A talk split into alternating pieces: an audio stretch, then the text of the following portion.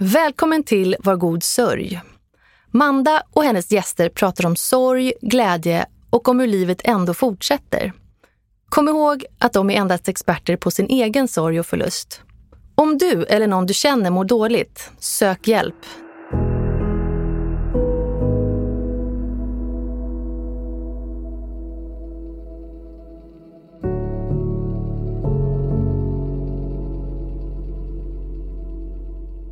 Rebecka hade känt sig yr och trött ett tag, men tänkte att det var nog stress och ångest.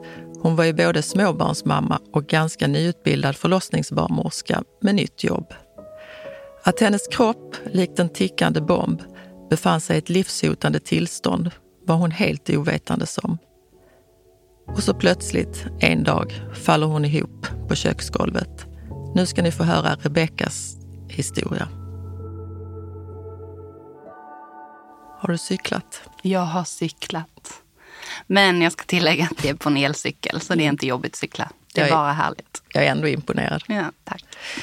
Jag tänkte faktiskt att vi, eller jag tycker din historia är så spännande, så nu får du berätta direkt. Vad var det som hände den där dagen? Ja, det var ju där sommaren 2017. Och jag eh, var på väg och skulle luncha med Alice, som vi båda känner, innan jobbet. Jag skulle jobba kväll på förlossningen. Och jag duschade och när jag kom ut ur duschen så fick jag hjärtklappning. Men liksom på ett sätt att hjärtat slog hårt och långsamt. Inte att det slog väldigt fort. Och sen började det liksom stråla ut i armen. Och så började jag kräkas. Och då sa jag till min sambo att du måste ringa en ambulans för att jag tror att jag håller på att få en hjärtinfarkt varför jag nu tänkte att jag fick en hjärtinfarkt. Jag var 32, men det var verkligen det jag tänkte att jag fick.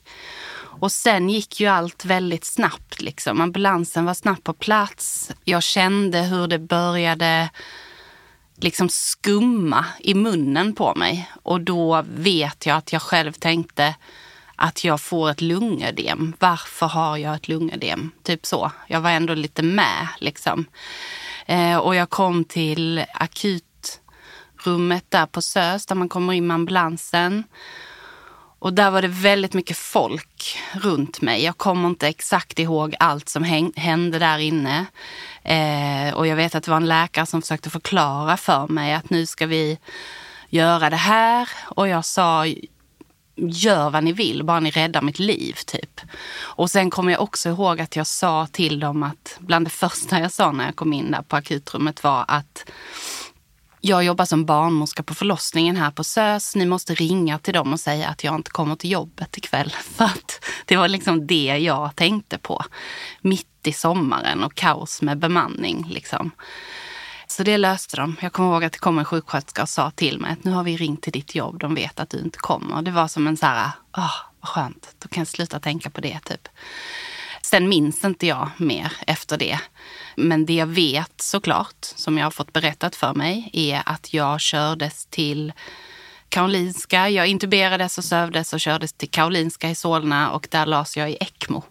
Och hur snabbt det gick vet jag inte riktigt, men det var väldigt eh, snabbt jobbat alltihopa. Jag tänker precis in, alltså det här var mycket på en gång. Det var mycket mm. tankar du hade och mm. att du kommer mm. ihåg alla de tankarna. Hade du mått du hade mått lite dåligt innan. Ja, det hade jag. Alltså jag hade ju gått med den här hjärtklappningen från och till i några månader. Liksom. Men det här var i juli och jag blir ju klar barnmorska i januari samma år och jag jobbade på en av Sveriges största förlossningskliniker och jag hade två små barn hemma eh, som när jag var klar var fem liksom och ett. Så att, eh, och Otis hann ju fylla två sen innan jag, precis innan jag blev sjuk. Men eh, jag trodde att jag var stressad. Liksom. Och det är lite så det här jag hade som vi ska komma till ter sig i kroppen. Att det, det blir som en, ett, stress, ett konstant stresspåslag i kroppen. Så. Mm. Hur känns det nu när du berättar om det igen? Det känns ändå okej. Okay. Alltså nu är det ju sju år sedan det hände. Nej, sex år sedan. Förlåt, sex år sedan. Jag har pratat ganska mycket om det från och till. Jag berättar gärna om folk frågar, men jag eh, Det är inte så att jag går runt och berättar för alla bara sådär. Men det känns ändå okej. Okay. Det är fortfarande overkligt såklart. Det känns som, eh, har det här ens hänt? Liksom. Men det har det ju. Det har du. Mm. Och du, jag tänker också, då kom du in, var din man med dig på Söder, SÖS, är det Södersjukhuset ja, precis, ja. i Stockholm. Eh, när du kom dit till akuten, då var han med? Nej, han åkte, alltså vi var ju hem, det var en söndag så att vi var hemma med barnen. Otis låg och lunchvilade och Elton han var vaken. Eh, och eh, så Mark kunde ju inte åka med mig in i ambulansen för han kunde inte lämna barnen själv hemma. Så han, eh, han fick följa efter sen i en taxi, tror jag. Eh, så blev det. För han var tvungen till att vänta hemma i lägenheten till min mamma som var i Stockholm på besök till hon kom och kunde ta barnen. Hade ni någon kontakt där? Eller allting gick så snabbt? Allting gick så snabbt. Jag var inte heller liksom kapabel att prata i telefon. Nej, vi hade ingen kontakt alls. Utan det var när jag åkte hemifrån liksom, med ambulansen. Mm. Mm. Och alltså, du visste inte riktigt hur länge du var på akuten? Nej, men alltså, det gick väldigt fort för att jag tror ganska snabbt när jag kom in, man tog ju massa prover och eh, grejer och där man kan ju ta blodprover som visar hjärtats liksom, eh, funktion på något vis. Och då eh, visade det att det var, jag hade liksom en total organsvikt. Så att det var väldigt snabbt tog man beslutet att hon måste läggas i ECMO. Så att det, det var inte länge jag var på SÖS. Det var inte timmar liksom.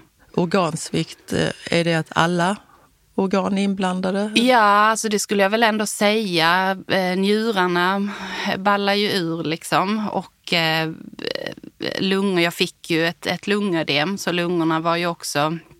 Och hjärtat eh, ha, slog ju av sig självt hela tiden men var väldigt, väldigt svagt. Liksom. Mm. Och eh, visste de där och då vad det var? Nej, nej, det tog ett par dagar faktiskt innan man lyckades ta reda på vad det var. Okej. Okay. Det var lite Dr. House.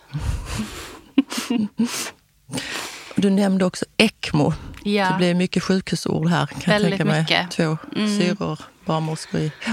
Exakt. Vi vet ju vad vi pratar om, men jag fattar att inte alla vet det. ECMO är ju en maskin som syresätter blodet utanför kroppen. Eh, hjärtat slår hela tiden, men, men eh, lungorna vilar. Så att lung, eh, blodet syresätts utanför kroppen och sen pumpas det tillbaka in i kroppen. Beskriv hur den ser ut.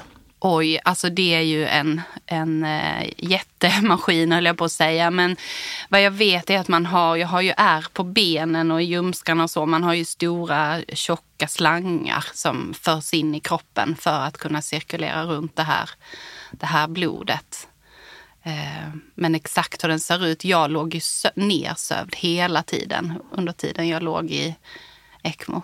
Så jag minns ingenting alls av det. Jag har själv bildgooglat och sett hur en ECMO-maskin ser ut, liksom bara för att få veta. Um, och jag har ju lite bilder i en dagbok från tiden när jag låg från, på thoraxintensiven på NKS, där som personalen har skrivit. Men annars har jag inte så jättebra koll. Men den här ECMOn, den fanns på Karolinska så mm. du fraktades i ilfart då Exakt. till eh, till Karolinska. Karolinska. Ja. Mm. Det var ju ett par dagar innan de kom på vad det var, men vad var mm. det? Om vi bara säger det direkt. Precis, vi säger det direkt. Det var en tumör på binjuren som heter feokromocytom. Och där är symptomen ofta eh, hjärtklappning, ja, lite så som stress ja. på slag. Högt blodtryck, men det visste ju inte... Man går ju inte och kollar sitt blodtryck regelbundet om man inte har en anledning till det. Så det hade jag ju ingen aning om om jag gick runt med högt blodtryck. Nej. Men det gjorde jag ju troligtvis. Liksom. Låg du nersövd här då hela tiden? Mm. Hela tiden. En vecka. En vecka. Låg jag nersövd. Men de hade kommit fram till vad det var Eh, efter två dagar ungefär. Det var ju så här att jag också i samband med att den här, det var ju den här tumören på binjuren som brast. Och då sprutade den ut en massa adrenalin i min kropp som gjorde att alla organen liksom började svikta.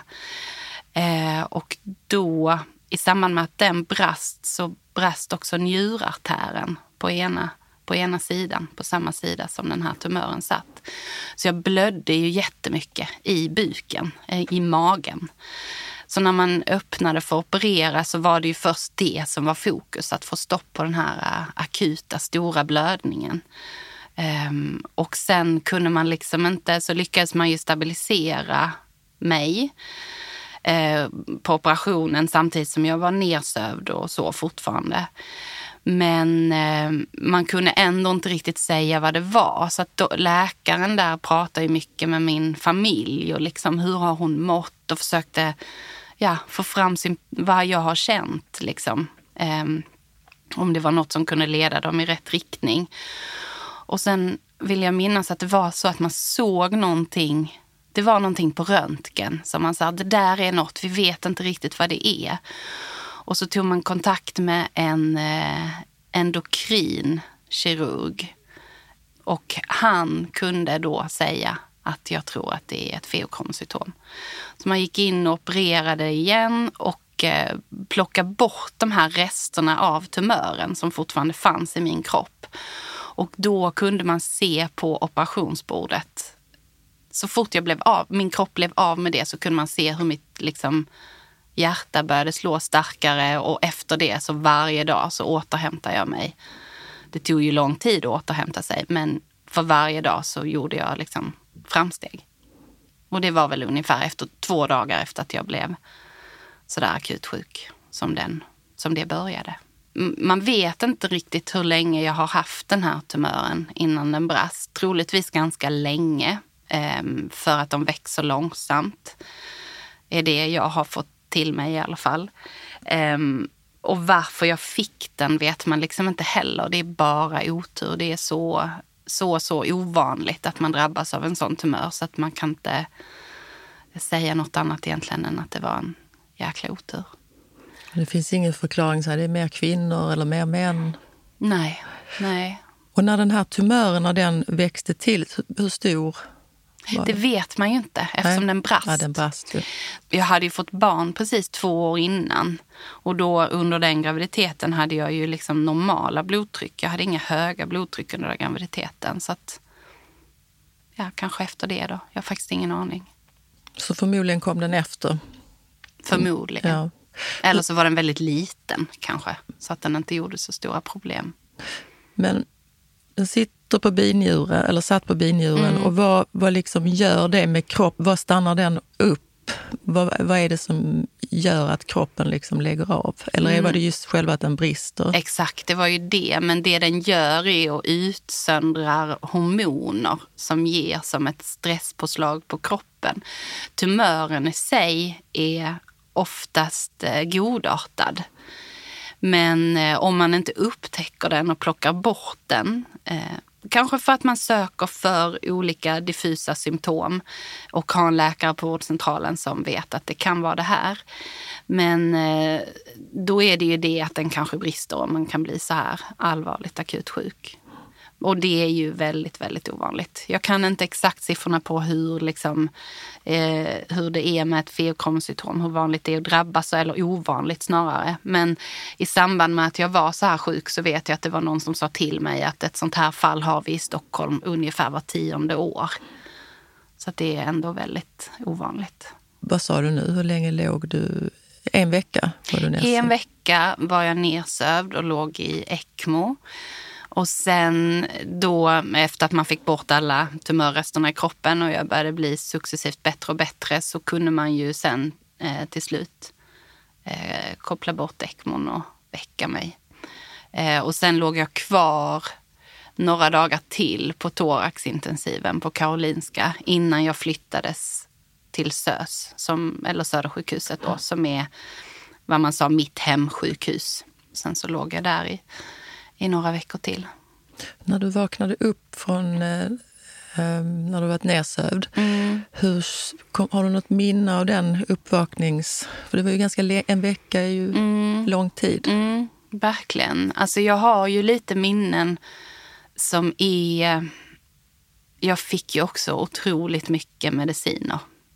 Så att jag var ju inte riktigt med. Det var väldigt mycket, vad är sant och vad är inte sant? Liksom mycket drömmar och mycket, eh, jag sa väldigt mycket konstiga saker. Liksom. Bland annat så fick jag för mig att grannen på rummet bredvid var en, en nysnittad mamma med en, med en liten bebis. Men det var det inte. Det var en jättegammal tant. Så att jag var liksom fortfarande så inne i allt som hade med jobbet att göra. Jag vet inte om det var för att jag var på väg till jobbet när det hände. Liksom. Eh, de säger ju ofta att den den känslan man är i när man sövs, det är den man vaknar i sen. Så det är därför man försöker ha en lugn, lugn liksom, patient när man söver en person. Okay. För att man vaknar i samma, i samma stämning, eller vad man ska säga. Så jag vet inte. Men eh, sen såklart, jag saknar mina barn. Alltså det var ju det som var det stora faktiskt. När jag väl började bli medveten om vad som vad som hade hänt. Fick, att, fa eh, fick familjen komma och hälsa på där på Karolinska? Mm, det fick de. Ehm, men eftersom barnen var så små, min syster och min sambo var där i princip hela tiden ehm, under liksom den veckan, som, även den veckan när jag var nedsövd. Och min mamma och pappa var med barnen. Men jag hade ju otroligt mycket slangar överallt.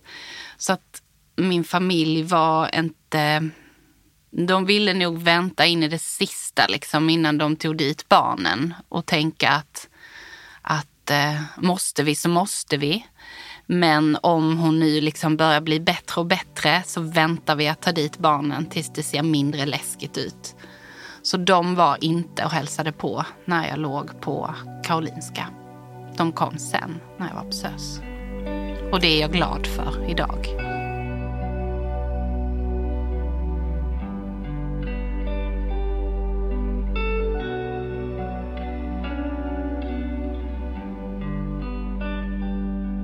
Men när du vaknade upp och du var, blev lite mer stabil, nu var du väldigt trött och så, mm. det sa du, men när läkarna beskriver för dig då hur det, hur det skulle kunna gått, mm. hur, hur liksom, vad, vad, säger de? Hur nära var det att din kropp inte hade orkat mer? Alltså de, de läkarna jag har träffat också efteråt eh, som eh, tog hand om mig när jag kom in där har ju sagt att att liksom vi gjorde allt som vi verkligen kunde eh, med all den tekniken vi har och ändå så är det ett, alltså det är ett mirakel. Vi kan inte riktigt förklara hur du, att du överlevde. Det var liksom, ja de gjorde ett fantastiskt jobb men de känner ändå att det är liksom, det är ändå ett mirakel. Typ så. Att din kropp också är så, var så stark. Exakt, ja. exakt. Det är helt ofattbart. Alltså man kan nästan inte...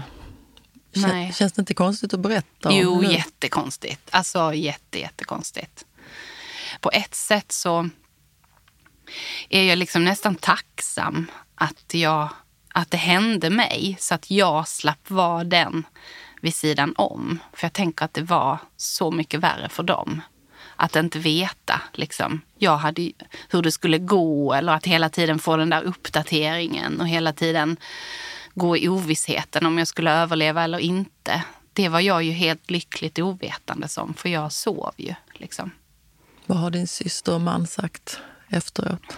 Nej, men att det var såklart jätte, jätte, jättejobbigt. Men de jag tänker att vi alla hanterar såna här situationer väldigt olika. Och för dem var det skönt att vara på plats och få informationen först. De ville inte få informationen i andra hand eller vänta på att en telefon skulle ringa. Eller liksom, de ville vara där först. Och min mamma kände tvärtom. Hon ville vara med barnen. Liksom, för det var det som ja, det var lättast för henne på något vis att hantera situationen då. Mm.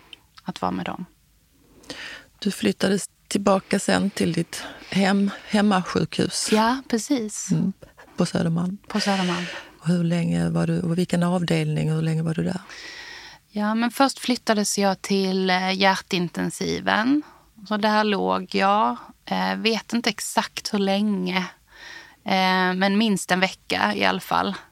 Eh, liksom det som händer i kroppen också när man ligger i ECMO, om man inte använder sina muskler, är ju att de försvinner ganska snabbt. Kroppen fattar ju liksom att åh, nu har hon inte använt sina benmuskler här på några dagar. Hon behöver inte dem längre. Så jag, jag gick ju ner jättemycket vikt. Jag blev supersmal och musklerna bara försvann. Så att jag, hade ju in, jag kunde inte stå själv. Jag kunde inte göra någonting själv. Man tänker liksom att ja, men jag blev väckt och sen så hamnade jag på den avdelningen och att jag liksom var uppe och gick och tog hand om mig själv. Men det gjorde jag inte. Jag behövde hjälp med allt, allt, allt. Jag kunde bara ligga i sängen liksom. Men det, jag fick ju ta hjälp av sjukgymnaster som kom och hälsade på mig varje dag och jag fick träna på att resa mig upp och liksom sådär. Så att eh, det var ju mycket det som var en del av eh, sjukhusvistelsen också. Att få massa läkemedel. Jag fick eh, dialys ett par gånger i veckan eh, under tiden jag låg på eh, hjärtintensiven där för, att, eh, för njurarnas skull. Liksom. Så att det, var, det var väldigt mycket som hände hela tiden. Ja, för, för du säger att du hamnar på hjärtintensiven. Mm. För mig låter ju det ju väldigt... Eh, mm. eh, även om du sa att läget var stabilt, mm. eller man ska säga, det kan ju inte varit riktigt... Nej, gud nej. Nej, jag var ju fortfarande väldigt, väldigt sjuk. Och de hade ju, det, jag var ju övervakad dygnet runt med liksom puls och blodtryck och allt sånt. Hur, var, hur påverkat var hjärtat? Ja, men alltså det jag har fått berättat för mig är att när jag kom in där på akuten på, på SÖS första gången så hade det liksom 10 procent av sin funktion. Så att det var jättedåligt kan man väl säga. Ehm, men sen så återhämtade det sig successivt och liksom, jag fick göra flera ultraljud på hjärtat där man kunde se att, eh, att åt, musklerna i hjärtat återhämtar sig liksom stadigt hela, hela tiden. Så just där och då vet jag inte, men jag blev ju trött av allt. Liksom. An, ansträngning var ju att bara försöka resa sig upp vid, vid sidan av sängen. Det kändes som att jag hade gymmat i tre timmar. Var helt slut. Ja, och, och, och, du är ju också en, jag menar precis eh, nyutbild, eller, ja, nyutbildad barnmorska. Du är van att springa och ha dig där på förlossningen. Och, mm. och två barn, och aktiv och sen inte kunna röra sig mm. överhuvudtaget. Du tappar inte hoppet, men blir man inte ibland att det här är ju hopplöst? Jo, gud jo. Absolut. Alltså, för att mitt mål var ju att jag ville hem. Det var ju hela tiden det. Jag vill hem, jag vill hem, jag vill hem.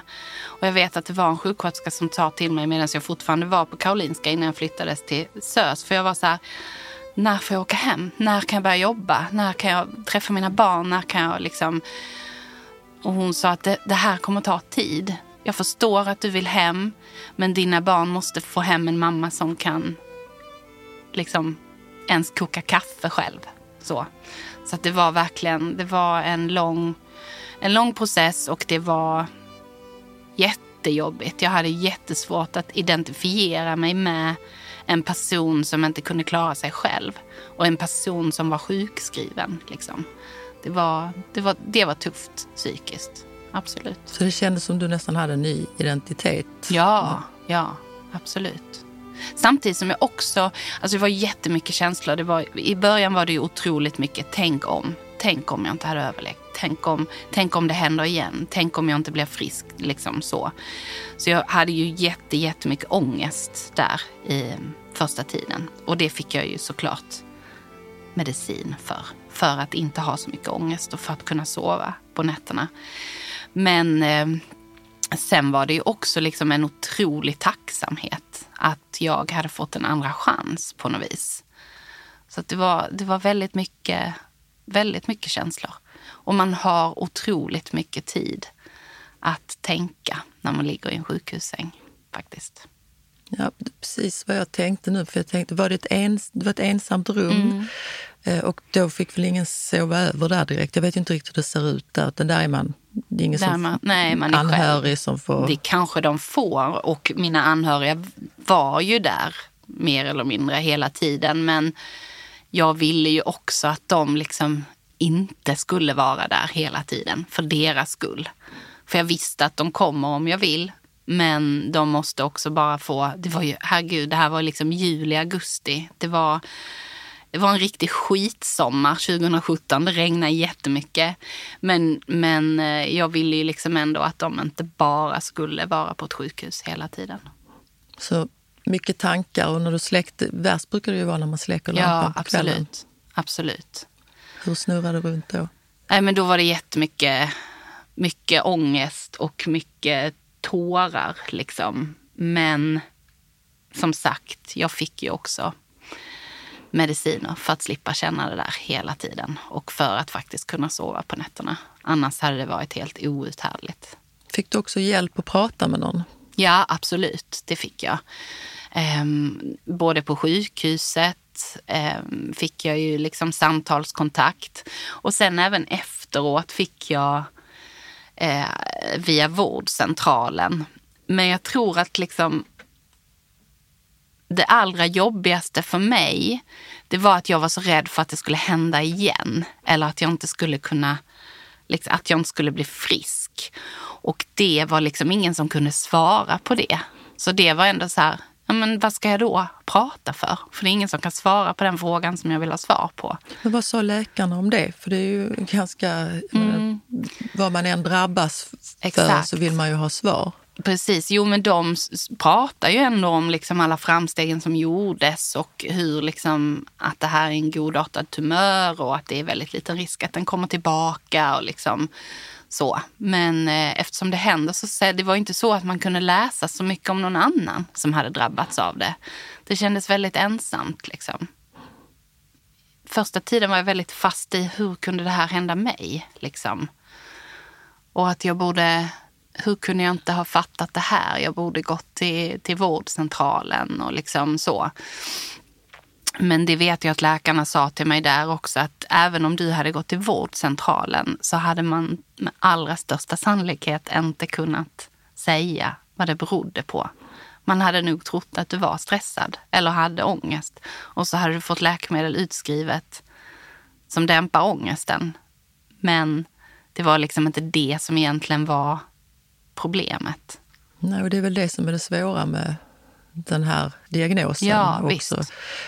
Jag vet att för vi pluggade ju ett tag tillsammans mm. och sen fick du barn och så började du nästa... Eh, ja, du gick ut med ett annat gäng helt mm. enkelt. Mm. Och vi var ju, dina gamla, eller ditt gamla gäng då, Mm. vi var ju väldigt oroliga.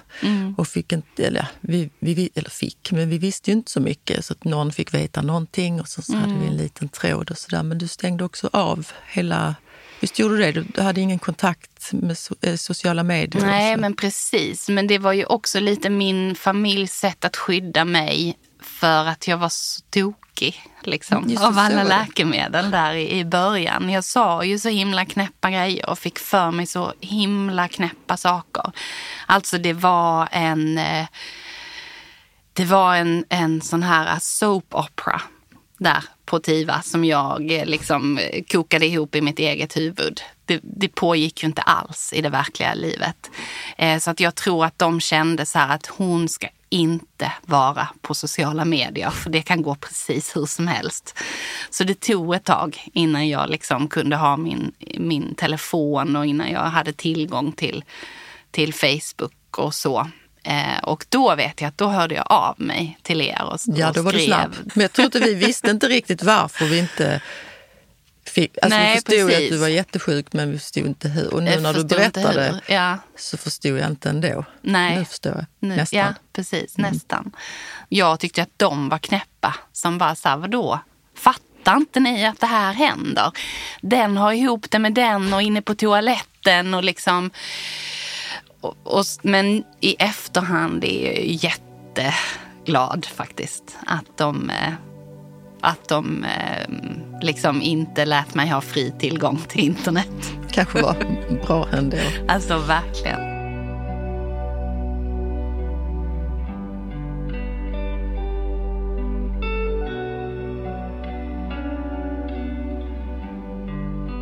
Att du inte riktigt visste eh, vad det var som har hänt, hur har det påverkat dig efter?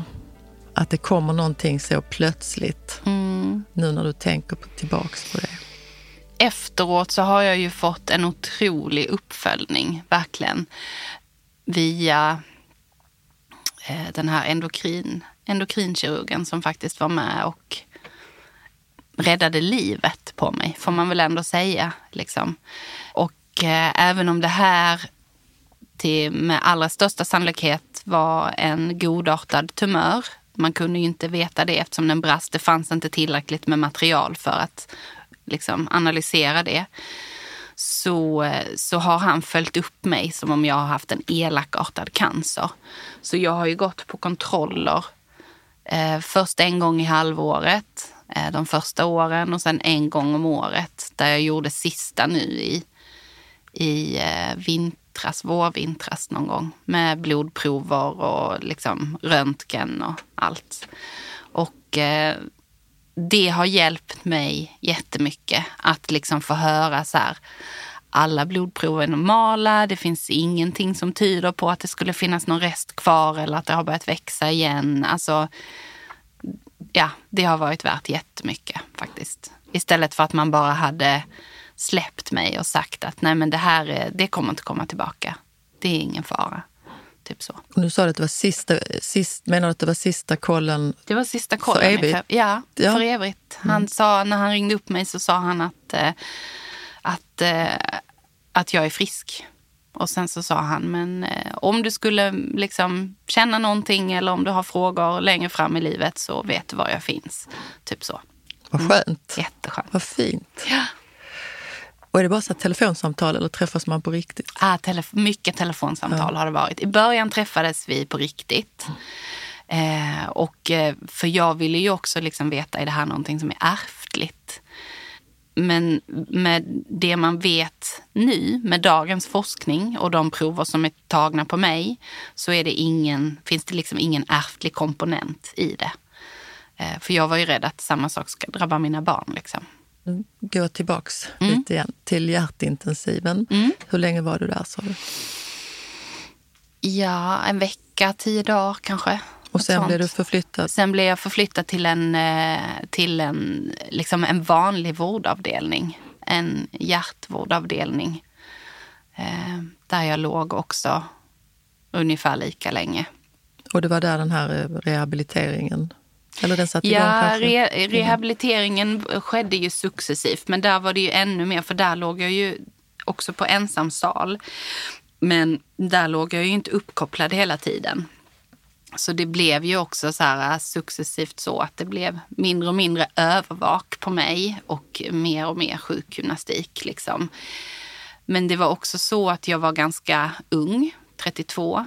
Eh, och för ung för viss typ av rehab som finns och lite för frisk liksom, tyckte man också, vilket låter helt sjukt för att jag var ju, hade ju varit jätteallvarligt sjuk. Men eh, det var svårt att hitta liksom, nästa steg för mig efter den här vårdavdelningen. För det, tanken var ju då att jag skulle få komma till en rehabavdelning.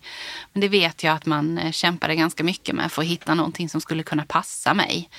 Ehm, Men till slut så gjorde man det och då fick jag en vecka där också innan jag, innan jag till slut fick komma hem.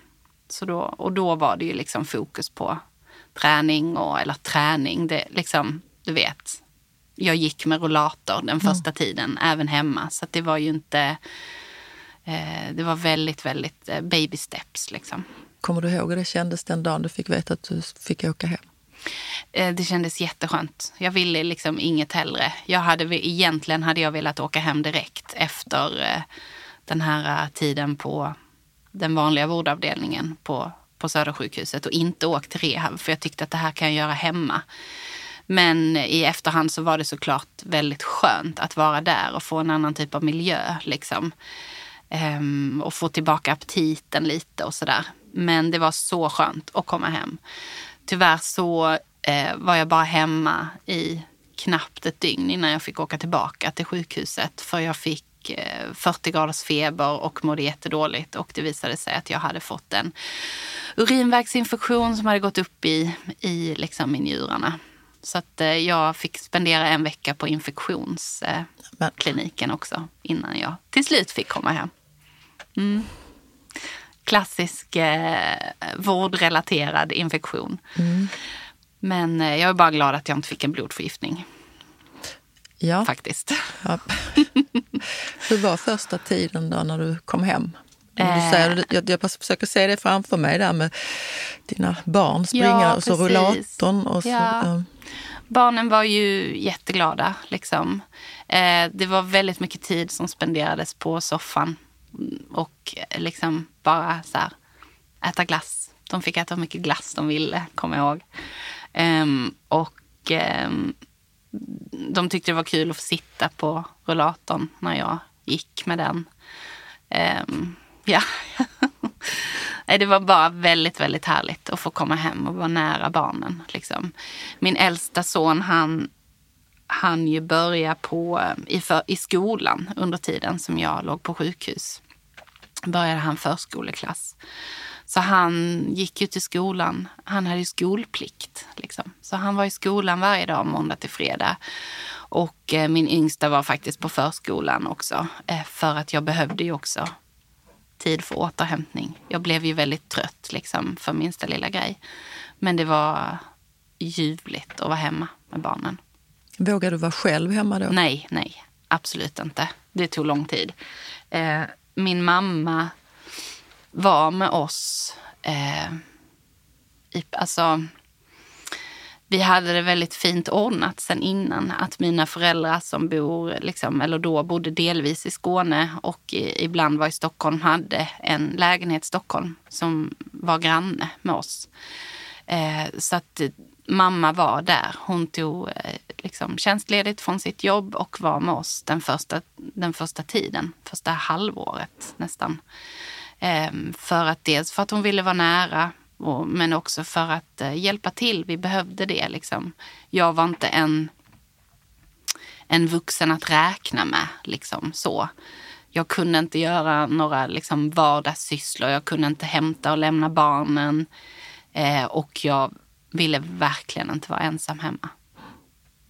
Hur var det med hjärnverksamheten Mm. efter nedsövning? Och... Jättetrött.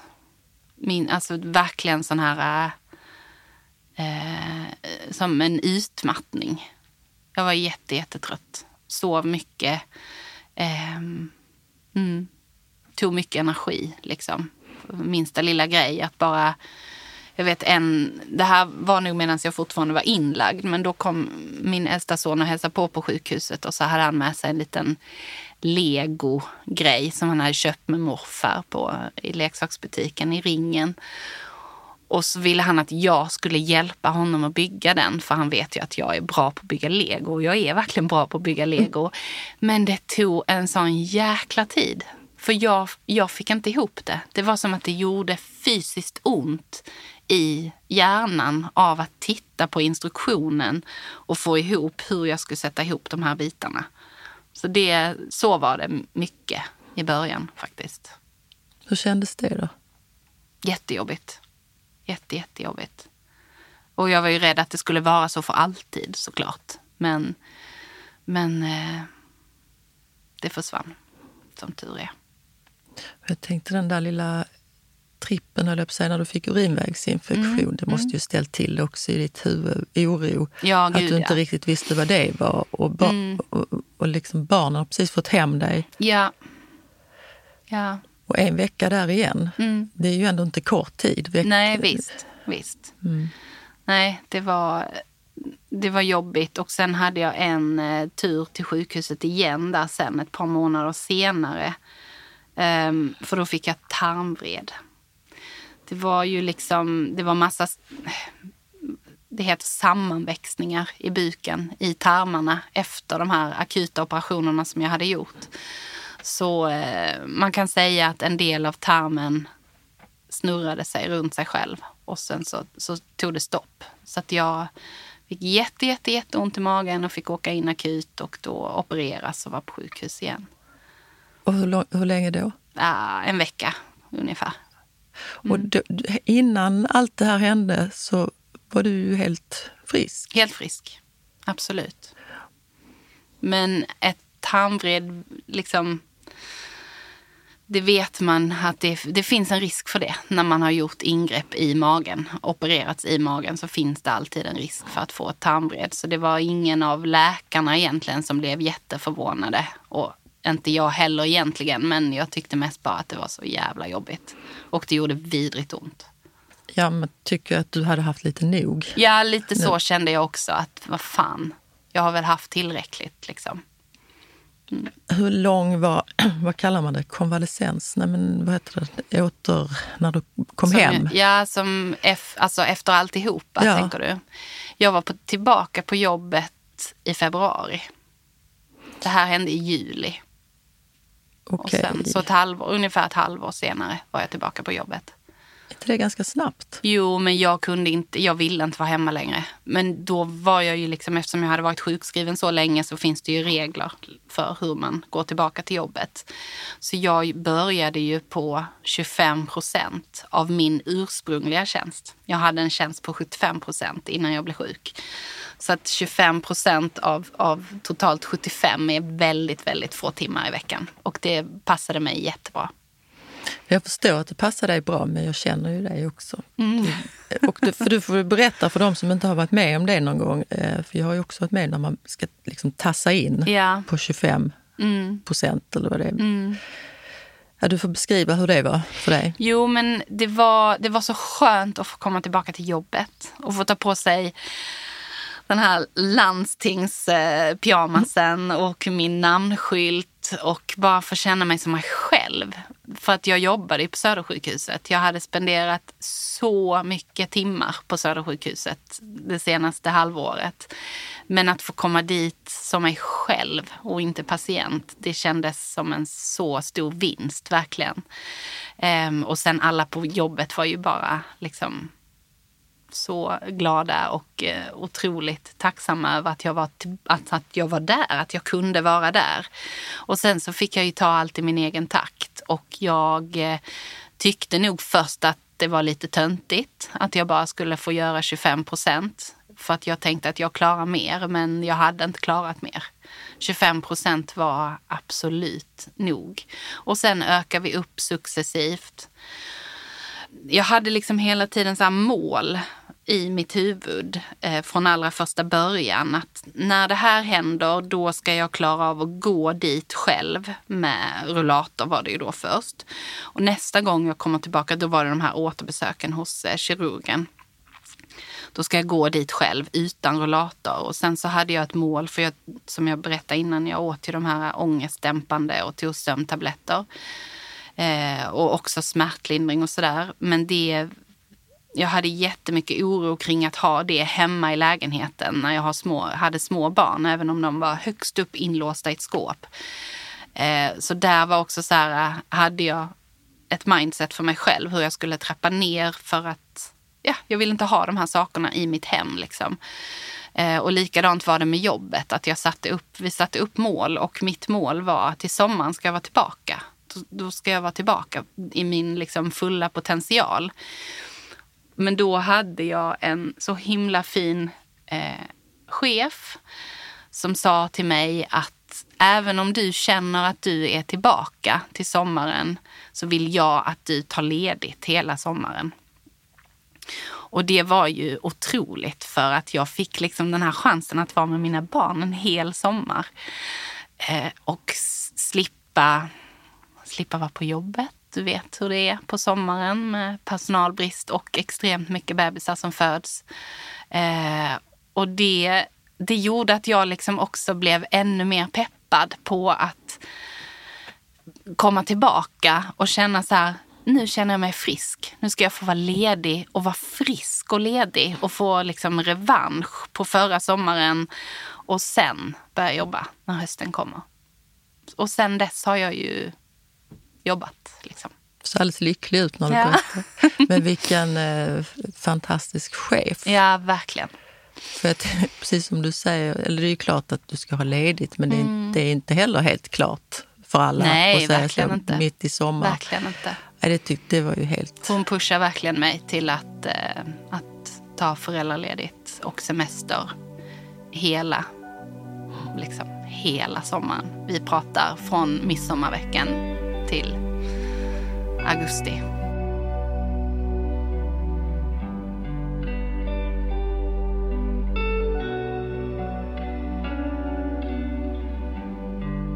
Så här när man kommer hem efter att ha varit då så här sjuk som du har varit Mm. och lång rehab och identitets...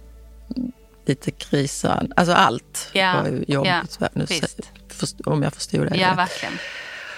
Hur blir det med när man kommer hem till sin... Du har ju en man Mm. då. Hur pratade ni med varandra om det här? Vi pratade liksom när vi båda kände behovet av det.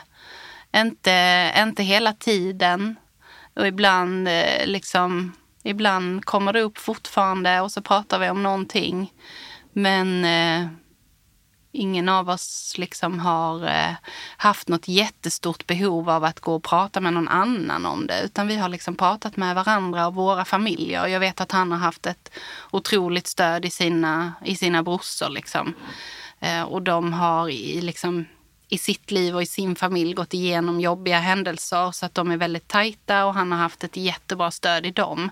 Och jag har haft ett jättebra stöd i min familj och sen så har vi pratat om det emellanåt också. Men sen är det också så här när man har, när man har små barn.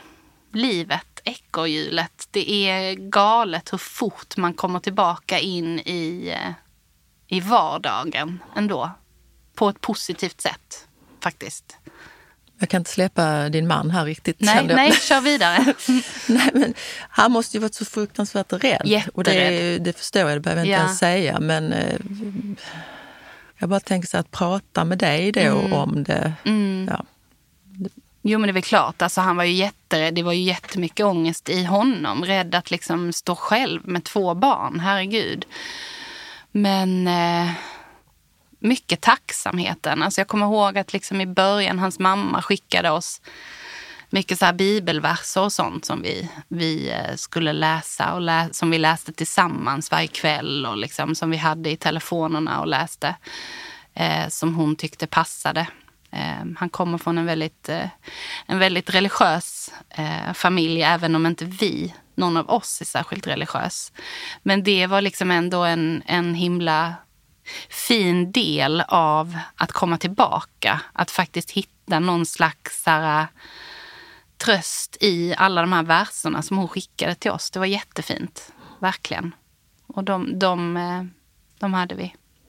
För det där är nog, det som du säger nu är också viktigt eh, för många att höra. För att det är svårt, och du sa också ekorrhjulet, allting Mm. går snabbt. Det är svårt att hitta kraft Ja, ja. i någonting och då hittar ni det i dem. Och mamman, Marks mamma bor ju långt bort också. Ja, det gör hon. Känner du att du har förändrats tankemässigt? Livet kommer ju tillbaks Mm. såklart. Och tänkte du mer i början? Var du liksom mer aktsam om dig själv då än vad du... Förstår vad jag menar? Än vad Jag nu- fattar vad du menar. Nej, men det är nog ungefär samma fortfarande. Alltså jag är ju jag är otroligt tacksam fortfarande över att jag har fått en andra chans. Framför allt att jag får vara här med mina barn. Det är liksom, jag kan inte säga det nog många gånger. Men jag tillåter mig själv också att bli arg och irriterad på småsaker för att ska man liksom, jag tänker i alla fall för mig att skulle jag bara gå runt och vara tacksam och nöjd och glad för allt hela tiden, då skulle jag bli knäpp. Eh, så att jag tror att det är nog många som inte vet att det här har hänt skulle aldrig kunna gissa att, att liksom den ryggsäcken som jag, som jag bär på faktiskt. Det är inte så att jag är extra försiktig eller extra... Jag är nojig att saker och ting ska hända. Eh, mina barn, återigen. Men det hade jag nog varit oavsett. Jag är inte mer nojig. Det är jag inte. Nej, just den där ryggsäcken kunde du ju varit utan. Mm. Men å andra sidan så ger det någonting annat. Absolut. Säkert. Absolut. Alltså det är jättehemskt det jag har varit med om. Men det är inte så att jag önskar att det inte hade hänt. Liksom. Äh, det låter ju jättekonstigt. Det är klart att det var läskigt och obehagligt och superläskigt för min familj. Men det, någonstans har det ändå gett oss också någonting, tänker jag. Vi är liksom otroligt sammansvetsade som familj. Tror du att vänner eh, var rädda för att fråga någonting för att inte liksom trampa in i nära vänner, inte kanske, mm, men mm. lite så runt i periferin? Jo, det tror jag absolut. Eller så tänker jag att det är generellt när människor går igenom jobbiga saker, att man inte riktigt vet hur man ska förhålla sig och hur man ska fråga, om man ska höra av sig. Jag väntar kanske till hon hör av sig. Sådär. Hur hade du tyckt? Nej, men jag tycker bara man ska höra av sig. Sen kanske om inte jag i det här fallet eller vem det nu än handlar om svarar på en gång. Eller kanske inte svarar de första fyra gångerna eller fem gångerna man hör av sig så ska man ändå fortsätta höra av sig för att det betyder jättemycket. Eh, och eh, det är inte det att man inte vill ha kontakt, man kanske bara faktiskt inte orkar liksom, just nu.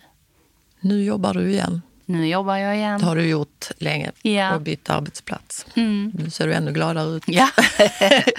ja, nej men jag älskar verkligen mitt jobb. Mm. Jag är så tacksam att jag får göra det jag gör. Det är verkligen ett eh, stundtals slitigt jobb, absolut. Men det, det, är ett privilegium att få jobba med det som vi båda gör egentligen. Mm. mm. Vad är det bästa med ditt jobb tycker du? Alla möten med människor eh, och sen självklart när det kommer en ny medborgare. det finns liksom ingenting som kan, som kan toppa det. Jag brukar säga att jag behöver inte så här, hoppa fallskärm och dyka med hajar. Jag eh, får mina kickar på jobbet. Det är otroligt. Du är en väldigt glad människa. Nu ska jag inte, ska jag inte säga någonting annat. Men, men finns det fortfarande eh, dagar när du när du tänker tillbaks på det här och, och blir rädd?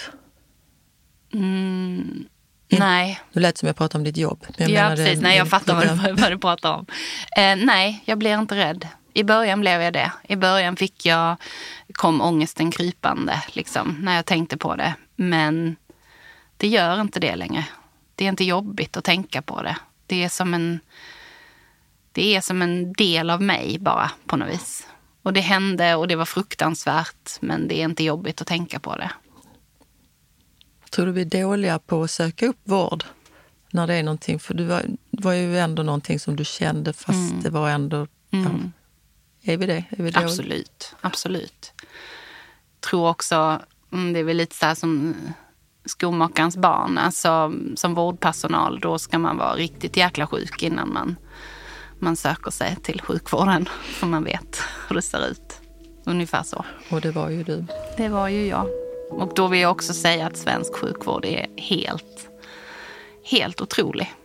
Man kan gnälla på mycket och tycka det är jobbigt att man får vänta länge. Men är du riktigt jävla sjuk så får du otrolig hjälp faktiskt. Mm. Bra. Ja. Tack så mycket för att du kom hit och berättade. Tack. Tack Manda. Var god sörj görs av Manda Ersgård och Stray Dog Studios.